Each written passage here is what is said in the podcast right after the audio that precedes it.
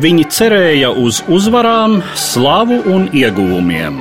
Viņi ticēja, ka cīnās par taisnu lietu. Ticēja, ka šai cīņā tieši viņu pusē ir Dievs. Viņi iemantoja izpostītus novadus un sakropļotas miesas, sāpes, vilšanos, nāvi. Viņi, Eiropieši pirms simts gadiem. Lielais vēstures pagrieziens, Pirmais pasaules karš. Sarunās ar Eduāru Liniņu raidījumu ciklā Pirms simts gadiem Eiropā.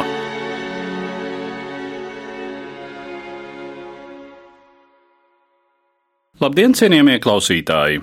1917. gada novembrī nākus pie varas Krievijā, Bolševiku valdība tūdaļ steidzās uzsākt miera sarunas ar Vāciju. Tās 1918. gada 3. martā noslēdzās ar Brest-Litovskas miera līguma noslēgšanu. Mans sarunbiedrs šodien studijā kara muzeja vēsturnieks Klaus Zariņš. Labdien! Dien. Tad, kad Ļeņina valdība uzsāka miera sarunas Brest-Litovskā, Šodien mēs to pazīstam kā Brestu. Tā ir pilsēta tagadējās Baltkrievijas un Polijas pierobežā. Tad uh, bolševiku cerības ir uh, noslēgt kāru atbilstoši viņu deklarētajiem lozungiem, tā sacīt, bez aneksijām un kontribūcijām. Savukārt Vācijai šai ziņā ir uh, citi plāni. Varbūt raksturosim vispirms abu pušu priekšlikumus, nostādnes, ar kurām tās tad sēžas pie sarunu galda. Pirmkārt, runājot par padomu Krieviju, tā viņu galvenā ideja ir sekot šim slavenajam dekretam par mieru, kurš tiek izsludināts jau nu nākamajā dienā pēc notikušā apvērsuma. Viņi ļoti manipulē ar tautu pašnoteikšanās jēdzienu. Gluži kā Vācija, saruna laikā notiek cīņa par šīm bijušajām Krievijas impērijas teritorijām, kuras kontrolē Vācijas karaspēks tiek ļoti veiksmīgi manipulēts ar uh, tautu pašnoteikšanās jēdzienu. Un abas puses šo sarunu laikā to izprot dažādi. Padomju Krievija aicina Vācijas karaspēku iziet no šīm teritorijām, attiecīgi šo teritoriju nākotne tiktu risināta, ievērojot tautu pašnoteikšanās principu. Savukārt no Vācijas puses tas tiek izprasts nedaudz savādāk.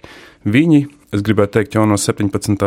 gada vasaras aktīvi manipulē, lai radītu priekšstatu par tautu pašnoteikšanos, bet realitātē viņi vēlas šīs teritorijas saglabāt savā kontrolē. Un šeit, protams, arī ir dažādas frakcijas Vācijā. Viens ir armijas vadība, viens ir politiskā vadība, kurām arī šīs intereses attiecībā, piemēram, uz Baltijas teritorijām ir krasi atšķirīgas. Runājot par Vāciju, tā tad mēs zinām to, ka tādu konkrētu aneksijas plānu par šīm teritorijām Vācijai nav. Tā ir vairāk vai mazāk improvizācija, kas katrā gadījumā ir atšķirīga. Bet katrā ziņā Vācija redz šīs teritorijas kā savu satelīta valstu, vasaļu valstu, tādu zonu. Acīm redzot, arī domājot par to, ka nākotnē tā varētu būt arī tāda buferu zona starp Vāciju un Krieviju. Precīzi. 1918. gada janvārī Berlīnē notiek tāds ļoti asins konflikts starp Paulu von Hindenburgu, Eriku Ludendorfu un Vācijas ķēzaru Vilhelmu II, kas pārauga ļoti asā vārdu apmaiņā. Piemēram, Hindenburgam jautā, kāpēc viņam ir nepieciešams šis Baltijas zemes. Viņš tieši tā arī atbild, ka man ir nepieciešams nostiprināt savu kreiso flangu nākamajā karā. Es varbūt negribētu piekrist tam, ka Vācijā nebūtu plāns Baltijas aneksijai. Šķiet, ka Vācijas militārajai vadībai šāds plāns ir. Tas saistās ar um, 1917. gada vasaru, kad notiek tā sauktā Bingenas konference, kurā Eriks von Ludendorfs ļoti detalizēti izklāsta to, kas vēlāk iegūst tā sauktās nacionalitāšu politikas jēdzienu. Respektīvi, mums ir jārada priekšstats starptautiskajā sabiedrībā, ka Baltijas zemēs tiek ievērotas cilvēku tiesības pašnoteikties, bet realitātē mēs šīs zemes anektēsim.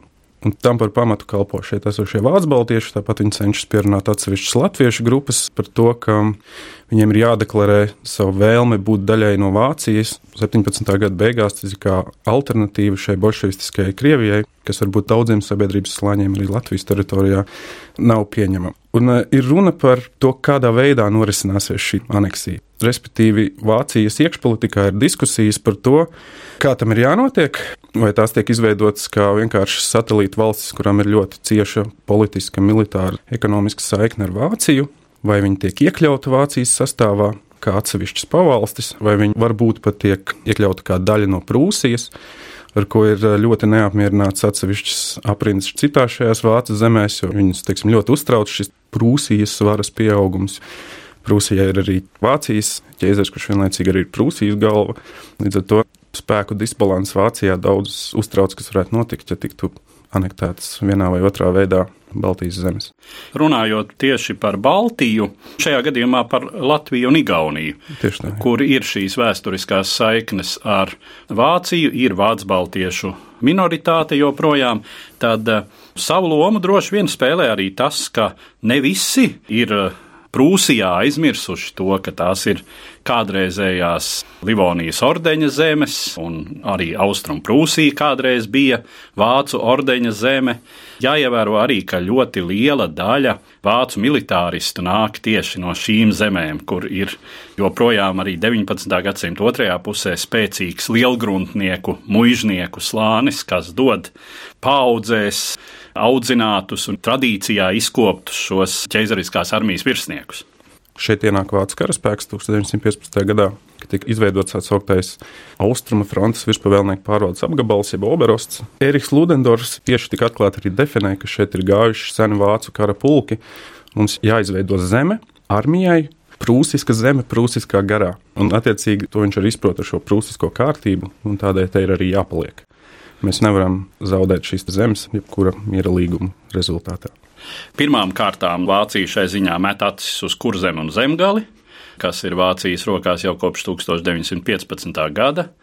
Arī Rīga, protams, kas attiecas uz pārējo Latvijas daļu, tad eh, droši vien vidzeme jā, cik var noprast, tad Latgale vāciešus īpaši neinteresē. To viņi uzskata kā bijušo Žečpospolitas, Polijas Lietuvas zemi, vairāk tādu slāviskotu, katolisku, bet Latvijai tas, protams, nozīmē katastrofu, ja kādi līdzīgi plāni īstenotos.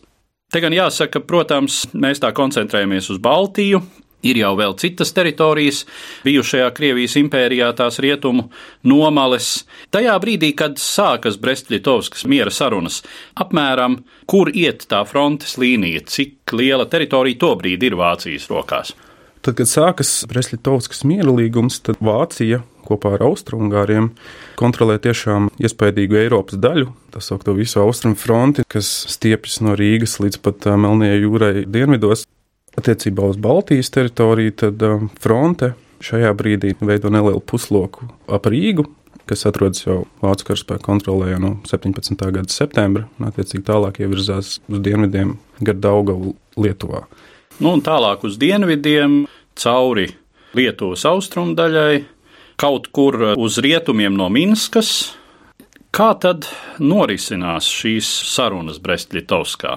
Ja abas puses tā sacīt izspēlē šīs tautu pašnoteikšanās tiesību kārtis, kur mēs ļoti konkrēti zinām, piemēram, Vācija liek galdā Lietuvas trumpi.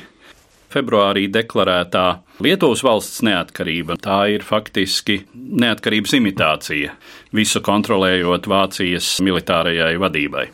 Runājot par Brestļitovskas sarunām, jāizdala trīs šo sarunu fāzes. Pirmā fāze, kas sākās 1917. gada 22. decembrī, kad ierodas šīs delegācijas Breslitovskā. Padomju Krievijas delegāciju vada Adolfs Jofe un Vācijas ārlietu ministrs Rihards Kilmans. Pirmās fāzes sarunas ir tas, ko jūs jau minējāt, ka abas puses liek tautu pašnoteikšanās kārti uz galda.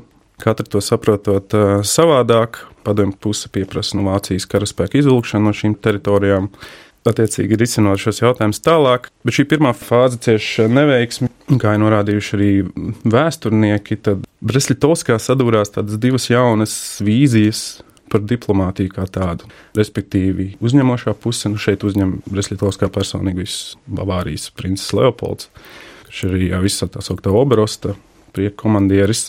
Vācijas puse, un Austrijas, un Bulgārijas un Osmaņu impērijas puse pārstāv tādu tradicionālo diplomātiju ar tradicionāliem ietveriem un aspektiem, kā šie jautājumi tiek risināti, bet padomju puse nāk ar tādu pilnīgi jaunu vīziju par to, kā tas notiek. Nu, viņi cenšas arī savu delegāciju savākt tādu ļoti plašu. Viņi izvēlas vienu jūrnieku, karavīru, viņi izvēlas strādnieku, kuriem tad būtu jāreprezentē jaunā pieeja, jaunā valsts, kur viņi arī pārstāv. Viņi arī, starp citu, delegācijā uzņem viena sieviete, kas aktīvi deklarē, ka viens no viņas lielākajiem sasniegumiem ir ģenerāla gubernatore noslapkavošana viņai kā revolucionārai, ko arī Vācijas delegācijas vadītājs Kilmans atzīmē, ka tas ir tāds spilgts padomju Krievijas propagandas gājiens, visa viņa tā delegācija, kā viņi ierodas un kā viņi cenšas runāt.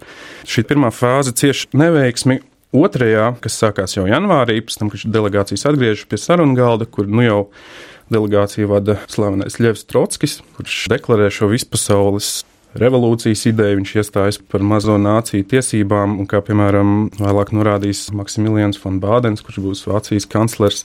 Otrajā saruna fāzē padomju puse, respektīvi Ļevs Trotskis, guva tādu ļoti retorisku, spilgtu uzvaru kā no pasaules skatu punkta viedokļa, ka viņš ir tas, kas iestājās par mazo tautu tiesībām un tam līdzīgi, un mēs vācieši esam palikuši kā apspiedēji militāristi, kuriem tikai interesē aneksijas un citu teritoriju sagrābšana, kas ir pretēji mūsu deklarētiem mērķiem, jo, kā mēs zinām, arī 1917. gada vasarā ir tā sauktā Reistāga miera rezolūcija kur ir nosodi visas aneksijas un teritorijas apgrābšanas, par ko, protams, ir ļoti neapmierināta arī visa no Vācijas austrumfrontes un tikai visa Vācijas, pat gribētu teikt, militārā vadība. Nu jā, jo par ko tad ir asins lietas? par ko tad ir asins lietas tieši tā, kad reāli sākās plāni par slēptu aneksiju Vācijas militārajā vadībā, Šī miera rezolūcija izraisīs ļoti asu reakciju arī no tā paša Alfreda von Goslera, kurš pārmetīs reiztāgam pacifismu, visu mūsu ilgušo gadu darbu izmešanu pa logu, ka mūsu izlietās asinis ir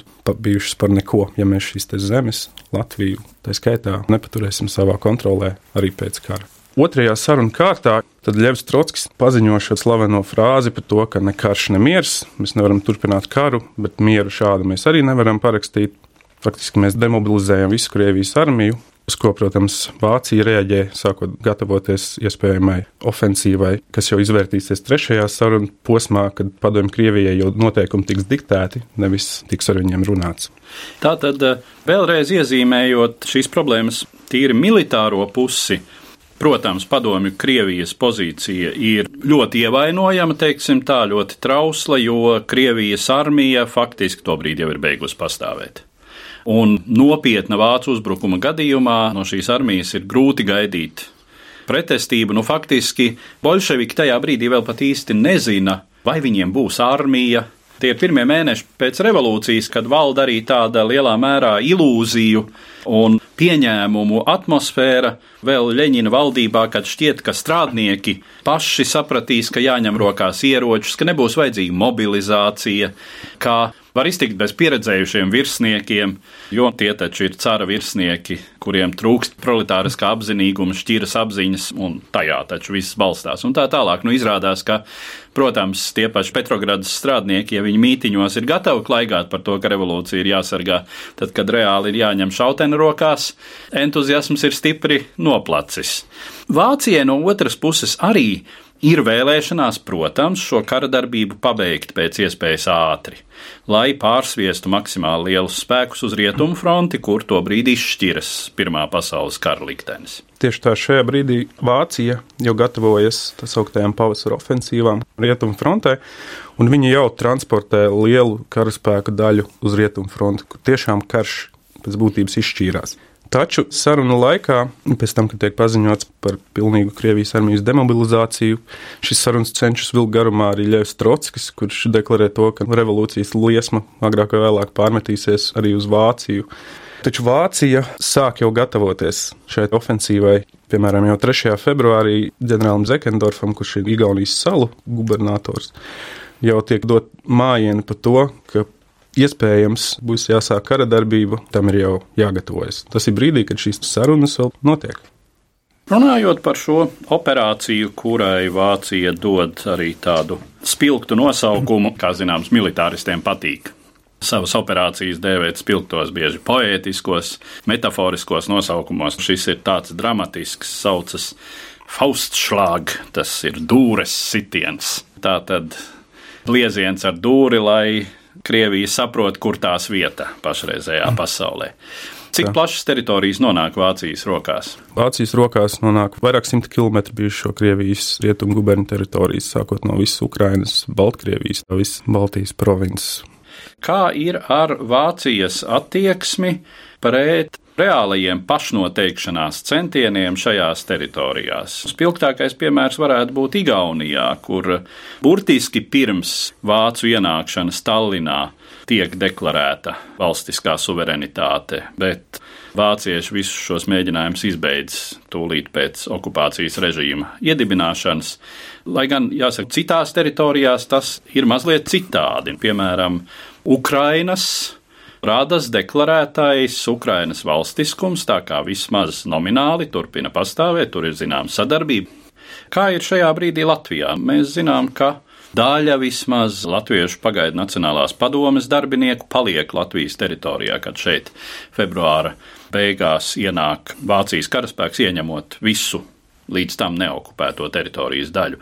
Bet kāda ir attieksme pret jebkādiem centieniem, darbību, publikācijām attiecīgā virzienā un tā tālāk? Attieksme bez šaubām ir ļoti negatīva. Pret kāda veida valstiskuma centieniem no latviešu puses. Protams, notiek joprojām diskusijas, bet tas mērķis bija viens, ka šīs teritorijas ir jāsaglabā. Un viņi jau no 1917. gada vasaras ļoti mērķiecīgi režisē slepus to, kam pēc tam būs jānotiek. Tas viss sākas ar tā sauktās Kurzemes zemes padomas izveidi 1917. gada septembrī, kur arī pārstāvi no dažādām kārtām. Tā skaitā arī latviešu. Tur būs tāds sīpelis pagasta vecākais vēžnieks, kurš aktīvi latviešu vārdā deklarēs latviešu tautas vēlmi būt daļai no Vācijas. Tāpat Liepājā ierodas Vācijas kanclers Mihēlis, kurš tiekas ar Andreju Bērziņu, kurš arī deklarē to, ka mums ir vēlme būt kopā ar Vāciju, jo tā nu, Krievijas alternatīva šobrīd varbūt īsti nestrādā. Vienīgais nosacījums būtu tam, ka latviešu teritorijas vajadzētu apvienot. Respektīvi, vidzemē vajadzētu būt daļai no kurzemes, jo kā viss Oberosta teritorija veidojusies, kurzeme ir atsevišķa pārvaldes daļa, gluži kā ir Rīga. Šeit ir ļoti spēcīga pārvietošanās ierobežojumi. Un, protams, ir ierobežota, aizliegta jebkāda veida politiskā darbība, aģitācija un tam līdzīgi. Zemes padomes galvenais mērķis, ko viņi arī realizē uzreiz pēc Breslitovskas miera līguma parakstīšanas, viņi vēršas pie Vācijas ķeizara lūgumu jauno kurzemes hercogisti atzīt kā patstāvīgu zemi, kurai ir ļoti cieša saikne ar Vāciju, un arī nākotnes saistība būs ļoti liela ar Vāciju. Tas, protams, tiek arī darīts. Pāris dienas vēlāk tiek saņemta atbilde gan no kanclera, gan no Vilhelma II, ka viņi atzīst kurzemes hercogistu kā patstāvīgu valsti. Tas ir viens no šiem marginālajiem valstiskuma mēģinājumiem Latvijas teritorijā droši vien visam šim stāstam, gan par kurzemes zemgāles hercogisti, gan vēlāk par Baltijas hercogisti, un visu to, kā tiek improvizēts par to, kas varētu būt hercogi un tā tālāk. Tam mēs droši vien veltīsim kādu atsevišķu sarunu. Bet eh, tajā brīdī, kad tiek noslēgts Brest-Litovskas mierlīgums, Kā šajā mierlīgumā atspoguļojas Latvijas un latviešu liktenis? Kurzeme mierlīgumā paliek kā daļa no vācu ietekmes zonas. Attiecībā uz vidzemi klāt arī nāk Igaunija. Breslitovskas mierlīgums paredz to, ka šīs zemes paliks vācu tādā policijaskā kontrolē līdz brīdim, kad tiks realizēta vietējo iedzīvotāju nu, vēlme pašnoteikšanās kontekstā. Bet kur zem paliek? 18. gada augustā tiek noslēgts papildu līgums ar uh, Padomju Krieviju, kurā Padomju Krievija nu, apņemas sekt zaudējumus, kurus Vācija ir cietusi nacionalizācijas rezultātā, cara laika aizņēmumu, finansiālos aspektos un tam līdzīgi. Un papildus 27. augustā tiek iekļauts arī punkts, ka vidzeme un Igaunija paliek Vācu kontrolē. Tā tad, uh, kas attiecas uz Latviju, tad vēlreiz atkārtojoties, jāsaka, ka pirmais Brestļitovskas mierlīguma variants ir uh, Latvijai vienkārši katastrofāls, jo tas nozīmētu, ka tā tiek sadalīta apmēram tāpat, kā tā bija sadalīta 17. gadsimta beigās. Tā tad ir viena daļa, kas ir šī kurzeme zemgale plus Rīga, kas ir uh, vācu ietekmes sfēra droši vien tur veidojas Vācijas vasaļvalsts, ir vidzeme, kurā ir pagaidām Vācijas kontrolē līdz turpmākam, un teorētiski tad jā, vidzemnieki varētu veidot kaut kādu savu autonomiju, valstiskumu šai nelielajā vienā tikai no Latvijas teritorijas daļām, un kas attiecas uz Latgali, tad tobrīd katrā ziņā Vācija to vispār neuztver kā Latvijas sastāvdaļu, un par to vispār maz tiek runāts, kas varētu notikt ar Latgali kā Latvijas daļu. Atsevišķi Vācu baltu aprindas Latgalē, kas atrodas, ļoti cenšas panākt to, ka Latgala tiek iekļauta arī vēlāk nu, šajā Baltijas potenciālā valstiskuma kontekstā kā daļa no Baltijas zemēm. Tas būs barons von Engelhards, kurš aktīvi ir rakstījis gan Vācijas militārai pārvaldē, gan rakstījis uz Vāciju. To, ka viņi nevēlas palikt bolševiku varā, ka tas ir draudz viņu privātu īpašumam un dzīvesveidam, un ka arī Latvijas tā sabiedrība grib būt daļa no Vācijas. Attiecībā uz vidzemi jau no 1917. gada rudens Vācijā tiek ļoti domāts, kā panākt to, lai vidzeme arī nokļūtu Vācijas paspārnē. Tajā brīdī Vācijas karaspēks tur vēl nav, to nevar izdarīt militāri. Un tam arī nav nekāds pamatojums. Līdz ar to viens no veidiem, kāds tiek darīts, notiek plašas parakstu vākšanas kampaņas, kur atsevišķas sabiedrības grupas, vairums, protams, vācu baltieši, bet arī latvieši parakstās par savu vēlmi, lai Vācija viņus aizsargā, ņem savā paspārnē. Un šīs parakstu lapas, kas ir tūkstošiem šo parakstu, tiek sūtīts uz Vācijas ārlietu ministriju, kur vada minētais Fons Kilmans, kurš ir nu, ļoti negatīvi noskaņots pret to, ko Vācu militārā vadība cenšas panākt. Virzīt slēptu aneksiju pretēji Reichstāgam, kurš ir deklarējis, ka mēs nosodām šādu veidu aneksiju. Ja mēs palūkojamies uz tiem latviešu politiskajiem, sabiedriskajiem darbiniekiem, kuri tobrīd atrodas Vācu okupētajā Latvijas teritorijā. Kā viņi pozicionējas attiecībā pret šo Baltijas nākotnes jautājumu? Nu, jūs jau pieminējāt, ka ir daži, kuri ir gatavi pieņemt šo ciešo saikni ar Vāciju, lai kādā valstiskā formā tas arī nebūtu. Kā ir ar šo latviešu politisko spektru un tām personībām, kuras mēs tajā brīdī sastopam Latvijā. Protams, ka šis latviešu politiskais spektrs un visas organizācijas ļoti noraidoši izturas pret vēlmu veidot jebkādu veidu šādu valstiskumu Latvijas un vispār Baltijas teritorijā. Nu, mēs jau zinām, tieši pagaidu Nacionālās padomas pirmajā sesijā deklarēto, ka Latvija ir autonoma valsts vienība, kuras sastāv no kurzemes, vidzemes, latgales tā tālāk. Līdz ar to, protams, tā attieksme ir ļoti negatīva. Manuprāt, visaktīvāko rīcību izvērš tieši Latvijas sociāldemokrātija. Sevišķi Rīgas organizācija, kur rīko ļoti plašas mītīņus, demonstrācijas, tajos iesaistot arī vācu karavīrus. Piemēram, 1918. gada janvārī notiks Rīgā plašs mītīņš, kur cilvēki arī gūs ievainojumus. Attieksme ir pilnībā noraidoša pret to, kas notiek. Un viņi arī cenšas vērst Oberosta Austrumfronts vispārnieku pārvaldes apgabala vadību uz to, ka viņi nav ieinteresēti šajās norisēs. Piemēram, demokrātiskais bloks, kur rakstīs Bavārijas princim Leopoldam, nosodot kādu veidu šādu rīcību. Paši viņi izvērš, protams, vairāk vai mazāk tādu pagrīdes darbību, jo pilnīgi atklāti deklarēt un iesaistīt arī ļaužu masas nav iespējams. Cik strikts šai ziņā ir šis okupācijas režīms? Viņš ļoti mainās 18. gadā tādā ziņā, ka kurzemē, kas viņuprāt bija ļoti tīra visu laiku no bolševikiem, no vispārējā, viņi izveidojuši savu pārvaldes sistēmu.